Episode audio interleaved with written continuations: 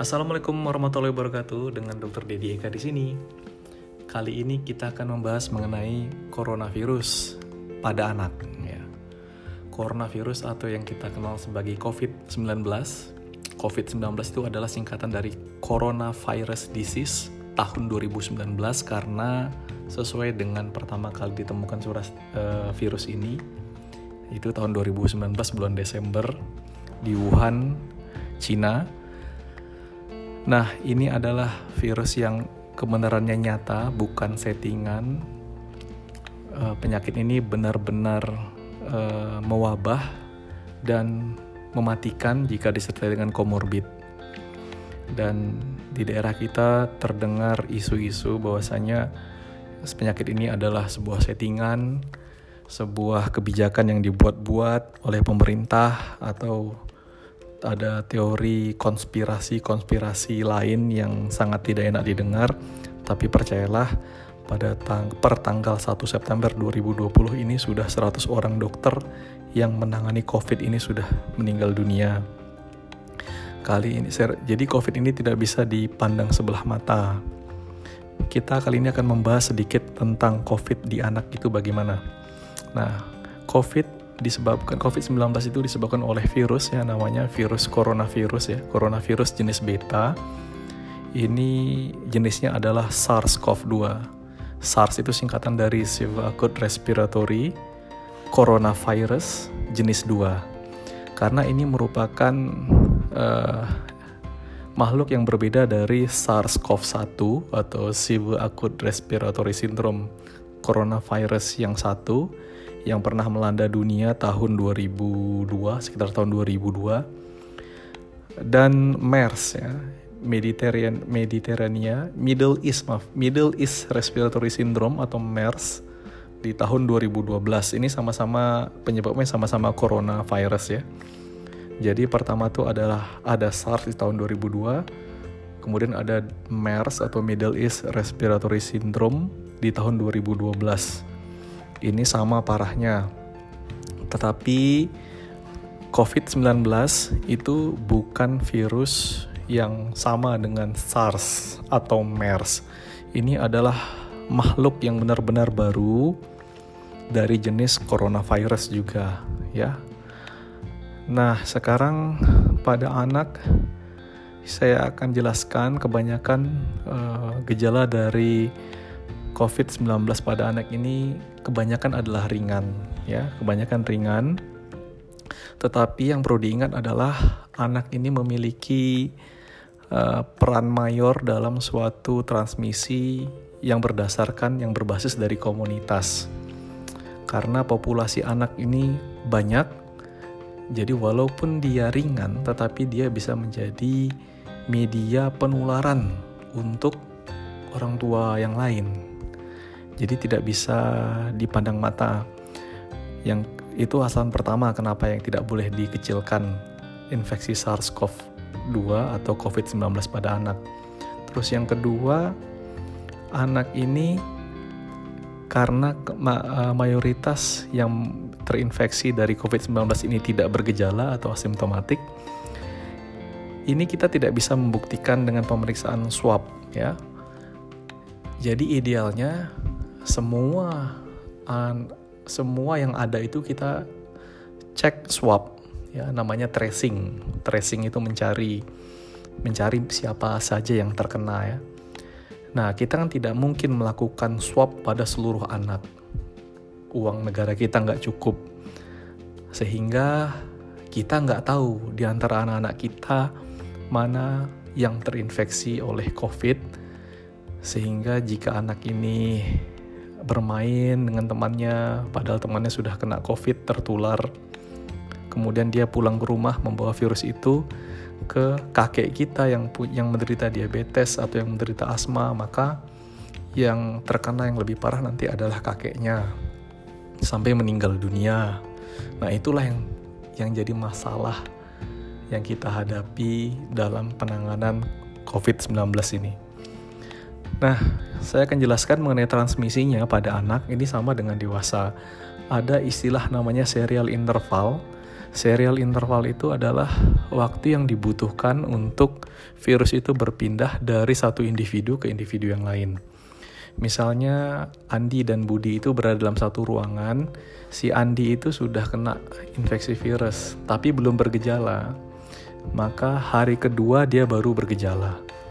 Ya, di hari pertama dia kerja itu dia belum bergejala, sudah bertemu dengan Budi. Ya, si Andi tadi yang bergejala, yang kena infeksi COVID di hari pertama dia tidak ada gejalanya, dia masih uh, satu ruangan dengan temannya yang namanya Budi, mereka masih bermain bersama. Tetapi setelah hari pertama bermain Andi dan Budi bermain bersama, itu dua hari berikutnya si Andi demam. Ya, dua hari berarti hari ketiga. Hari pertama mereka bermain bersama, hari ketiga si Andi demam. Nah, sebenarnya sudah terjadi transmisi atau penularan virus di situ. Maka waktu yang dibutuhkan virus corona ini untuk menginfeksi Budi itu adalah setelah hari kelima. Ya. Jadi dari cerita yang saya paparkan, jika mereka pada hari pertama Andi dan Budi bermain bersama dalam suatu ruangan, kemudian di hari ketiga Andi demam, maka di hari kelima Budi demam atau Budi juga terkena infeksi COVID. Artinya apa? Artinya COVID-19 ini akan sangat infeksius ketika orangnya belum bergejala. Nah, ini yang harus diketahui. Ya, ketika anaknya atau orangnya belum bergejala, di situlah dia sangat-sangat infeksius untuk menularkan virusnya ke individu yang lain. Ini namanya serial interval ya. Serial interval COVID itu 0 sampai 2 hari.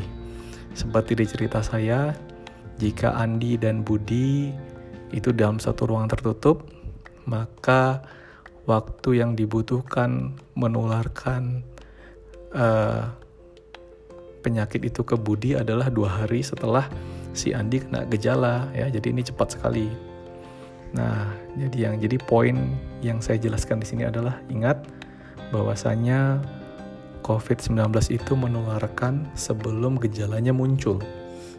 Nah, itu namanya serial interval. Nah, cara mendiagnosanya bagaimana? Satu-satunya cara untuk mendiagnosa adalah dengan pemeriksaan swab. Dulu kita menggunakan rapid test, tetapi dari Menteri Kesehatan sekarang sudah menarik bahwasannya rapid test tidak bisa dijadikan dasar diagnosis. Sebenarnya saya baca sedikit tentang rapid test. Rapid test itu adalah salah satu jenis pemeriksaan penunjang yang digunakan kalau dalam pemilu istilahnya dia quick count. Ya, quick count sama itu juga dasarnya seperti statistik. Nah, sebenarnya rapid test ini dia akan sangat bermakna setelah dua minggu ya. Setelah dua minggu tuh antibody dari eh, ini maksud saya rapid test antibody ya.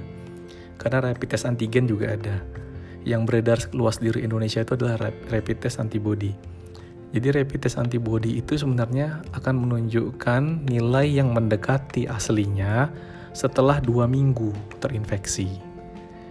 Nah makanya ada kemungkinan dia uh, apa kemungkinan positif palsu kalau kita bilang. Positif palsu kemungkinannya. Nah mungkin karena kerancuan ini dan mungkin masyarakat kita juga masih terlalu masih sangat khawatir tentang COVID-19 jadi interpretasinya berlebihan sehingga menimbulkan rapid test yang positif ini direspon oleh masyarakat kita secara berlebihan sehingga perlakuannya pun berlebihan. Terjadilah sepertinya pengucilan segala macam. Nah mungkin ini menurut saya dasarnya kenapa rapid testnya tidak tidak bisa dipakai lagi ya. Karena karena efeknya adalah pengucilan pengucilan dalam tanda kutip gitu. Jadi seperti COVID-19 ini adalah suatu kutukan sebenarnya. Padahal kan ini adalah penyakit yang harus kita pikirkan bersama solusinya bukan penyakit kutukan. Ya, jadi itulah. Sebenarnya rapid test ya, kalau rapid testnya itu kalau menurut pandangan saya, kalau rapid test itu kan dinilai berdasarkan baku emas atau gold standar. Rapid test dengan gold standar itu ada penelitiannya namanya uji diagnosa. Jadi rapid test yang bagus tuh ada nggak? Menurut saya ada. Karena nilai uji diagnosis yang bagus pasti nanti akan nilai ada elemen yang dinilai namanya spesifisitas dan sensitivitas.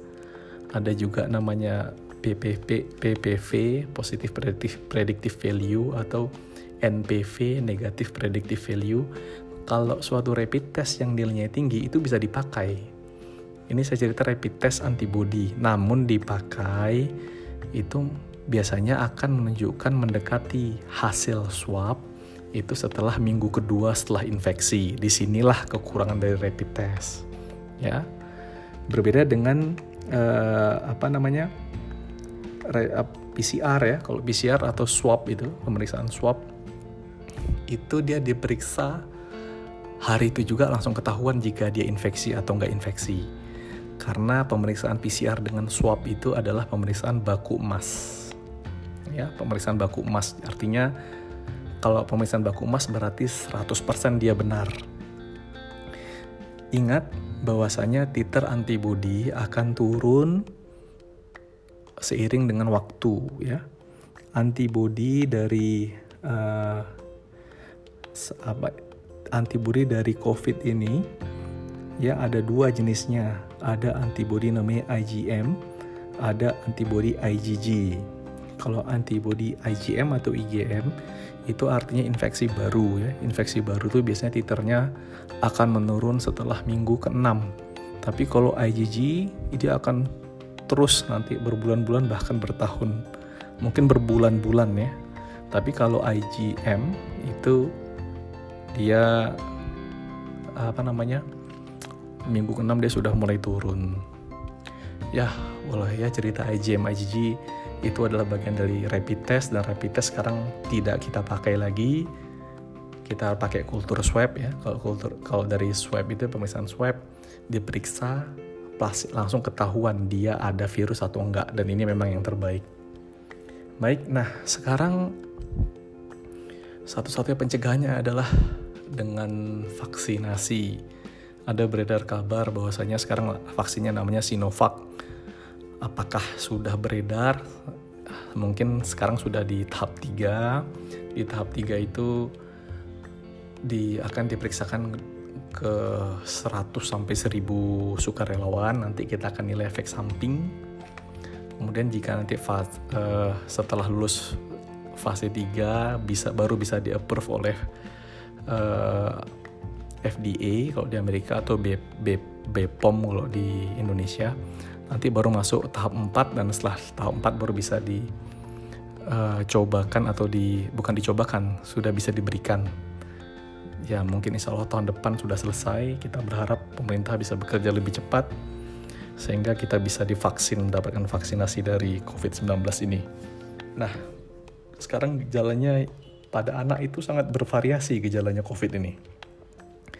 Ya, ternyata gejalanya itu bukan demam saja, bukan lemah saja, tapi juga bisa batuk, nyeri tenggorokan, pilek, bersin, atau bisa sakit perut, bisa muntah, diare, atau gejala non respiratory atau gejala saluran yang bukan dari gejala khas penyakit saluran nafas lainnya ya. Jadi kalau anak kita mencret sakit perut itu harus hati-hati terutama yang berasal dari zona merah ya kalau kita terdekat dari Medan. Dari Medan dalam 14 hari terakhir terus anaknya mencret, anaknya batuk, ya anaknya lemas, anaknya muntah-muntah, harus hati-hati. Harus dicurigai dengan COVID, ya.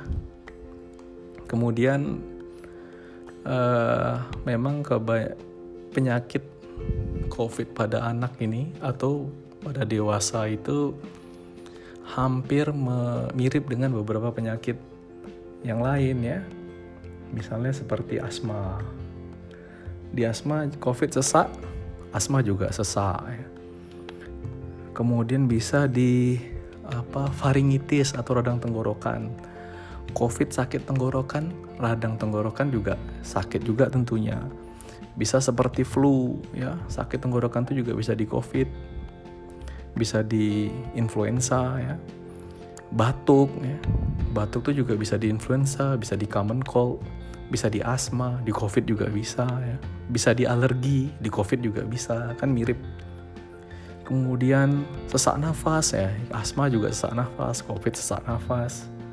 Lemah-lemah ya common cold juga lemah-lemah flu lemah-lemah asma lemah juga kalau dia sesak alergi juga lemah kalau hidungnya rinitis ya.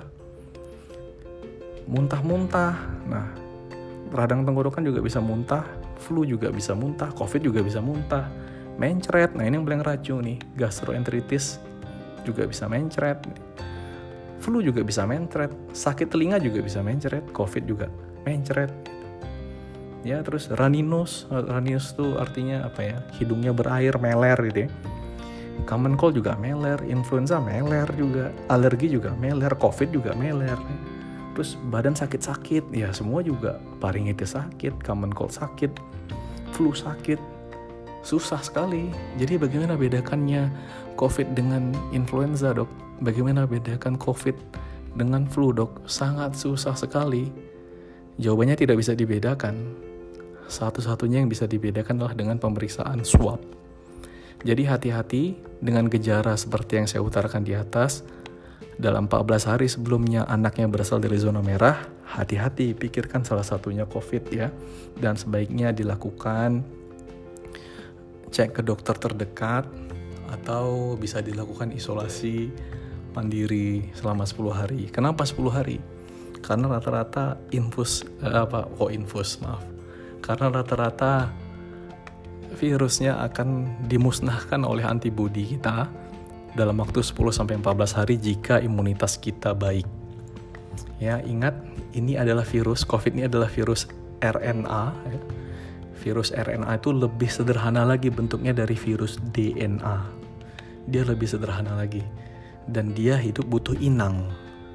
Jadi kalau dia di dekat sekitar makhluk hidup, maka akan senang dia berkembang biak. Tapi kalau dia diisolasi sendiri, maka dia nggak akan ketemu lagi nih inang-inang baru ya sehingga dia bisa dimusnahkan oleh antibodi kita. Antibodi kita dibentuk oleh protein, maka selama pandemi ini anak-anak kita harus dikasih makan yang proteinnya tinggi ya. Ikan, ayam, daging ya atau protein nabati juga bisa tempe, tahu ya harus makannya harus proteinnya harus diperbanyak ya. Jangan makan indomie lah. Kalau indomie kan karbohidratnya. Oke. Kemudian uh, kriteria sembuhnya. Jadi cara amannya kalau misalnya anak datang dari zona merah dengan batuk pilek atau mencret ya datang dari Medan dari mencret dari muntah ada muntah gitu ya. Tapi anaknya kelihatan baik pertama laporkan dulu ke puskesmas, laporkan ke dokter terdekat. Nanti kita akan berikan uh, vitamin, kita berikan suplementasi, dan anaknya dibiarkan di rumah selama 10 hari supaya virusnya bisa di uh, dimusnahkan oleh antibodi yang ada di tubuh anaknya ya. Jadi kita harus berikan protein dengan lebih banyak dari sebelumnya, diberikan vitamin, Terus satu lagi yang paling penting berjemur di sinar matahari jam 9 dan jam 10 pagi ya. Karena kita hanya bisa memberikan prekursor vitamin D, tetapi vitamin D yang dibutuhkan untuk kerja imun kita itu itu akan dimasak oleh sinar matahari. Jadi percuma kita makan suplemen vitamin D tapi kita tidak berjemur, vitamin D-nya juga tidak tidak jadi ya. Jadi itulah ciptaan Allah itu hebatnya ya. Manusia manusia tidak bisa membuat mirip dengan zat yang diciptakan oleh Allah. Makanya berjemurlah, berjemur 9 jam 9 sampai jam 10 ya. Cukup 15 sampai 20 menit sehingga vitamin D-nya tinggi dan kerja imunitas kita jadi lebih bagus. Kemudian uh, kriteria sembuhnya nah itu minimal di sekarang yang dipakai adalah 10 tambah 3 hari. Jadi kalau misalnya dia misalnya sakitnya sudah 14 hari maka tambah tiga hari. Hari ke-17 dari baru dia bebas pulang apa baru dia be, tidak terisolasi lagi baru dia bebas. Kalau misalnya dia sakitnya sudah 16 hari tambah tiga hari. Berarti hari ke-19 jika tidak ada demam tidak ada gejala dia sudah bebas dari isolasi. Kalau dari awal dia dari zona merah dia atau atau dia dicek swabnya dia positif tapi dia kondisi fisiknya nggak ada apa-apa nggak ada batuk nggak ada demam tapi dia positif nih maka dia diisolasi selama 10 hari ya. Jadi intinya rumus besarnya adalah 10 tambah 3 hari jika ada gejala kalau nggak ada gejala ya 10 hari saja sudah bebas dari isolasi ya jadi pesan saya mohon disebarkan bahwasanya COVID-19 ini adalah nyata dan ilmuwan-ilmuwan di seluruh dunia termasuk Indonesia sedang mempelajari bagaimana cara mengatasi dari uh, SARS-CoV-2 ini. Ini sama sekali bukan penyakit settingan atau kebijakan settingan. Sudah banyak tenaga medis yang meninggal. Kenapa tenaga medis? Karena gini, kita terutama yang merawat COVID-19 ini kan terpapar terus virusnya jadi misalnya hari ini saya memvisiti dua orang anak yang COVID. Sudah saya kan ikutin tuh hari pertama saya visit dua hari virusnya dompleng ke saya pasti sebagian. Kemudian yang dua hari ini pulang datang lagi yang baru datang lagi pasien anak yang baru anggaplah si C tadi si A dan si B sudah dirawat sudah pulang muncul lagi si C saya visit lagi kena lah virusnya lagi Nanti udah sembuh si C, datang si D dan si E. Dua orang masuk lagi. Saya visit lagi, saya periksa lagi pasiennya. Virusnya makin banyak. Ini namanya viral load. Ya, loading virusnya banyak kepada dokter-dokter yang memeriksa. Sehingga inilah salah satu jadi faktor risiko dokternya jadi kena COVID dan biasanya sakitnya berat karena virus yang terpapar itu jumlahnya jadi banyak. Karena dicicil terus dicicil terus dari virus si A, si B, si C, si D, si E tadi kena si dokter kena kena dengan dokter tadi yang memvisiti akhirnya gejalanya jadi gejala berat. Apalagi dokter tersebut punya komorbid misalnya jadi semakin parahlah sakitnya. Sampai sebagian dari kami meninggal dunia nah kalau misalnya ya di ruang terbuka ya covidnya mungkin kita kan misalnya saya ketemu sama orang jabat tangan sama orang yang covid ya virusnya sudah ke saya. Tapi setelah itu kan saya pulang. Kemudian saya iso uh, makan makan protein tinggi. Virusnya ya hilang sendiri karena tidak ada viral load. Saya cuma sekali saja ketemu dengan orang yang saya jabat tangannya tadi yang yang saya nggak tahu bahwasanya dia adalah terinfeksi covid tapi kalau bayangkan tenaga medis bukan dokter saja, perawat ya yang yang merawat pasien COVID, mereka terpapar terus dari pasien yang pertama, kedua, ketiga, keempat, ke sepuluh, ke sebelas, ke lima belas, mereka terpapar bolak-balik. Akhirnya viral loadnya tinggi, kadar virus yang di yang ada di tubuhnya tinggi dan imunitasnya tidak sanggup lagi karena tiap hari dia harus terpapar dengan virus. Makanya jika masyarakat sadar dengan bahayanya infeksi ini, maka tentunya orang yang berobat ke rumah sakit pasti akan jumlahnya tidak tidak banyak. Kalau orang yang berobat ke rumah sakit tidak banyak, maka paparan ke tenaga kesehatan jumlahnya tidak banyak. Jadi kita uh, terselamatkanlah dari bahaya virus ini. Intinya adalah cuci tangan, social distancing, dan gunakan masker. Karena virus ini dalam ruangan tertentu dia bisa secara aerosol, ya artinya dia bisa bertahan lama di udara, tapi dalam uh, udara yang tidak tertutup dia disebarkan melalui droplet, ya. Jadi tergantung ruangannya, makanya sekarang ini kita harus lebih sering di ruangan yang aliran udaranya bagus ya. Jendela dibuka jadi udaranya bisa keluar. Jangan terlalu lama di ruangan ber AC karena AC itu kan ruangannya di situ saja. Nah itu juga salah satu faktor risiko yang menyebabkan virus atau viral loadnya tinggi di ruangan itu. Jadi biasakan sering beraktivitas di luar rumah. Kalau yang isolasi ke luar inilah ke halaman belakang ya nggak nggak ada orang. Jangan terlalu lama di dalam ruangan tertutup. Itu aja. Semoga berguna. Dan kita berjumpa lagi pada podcast serial yang berikutnya. Assalamualaikum warahmatullahi wabarakatuh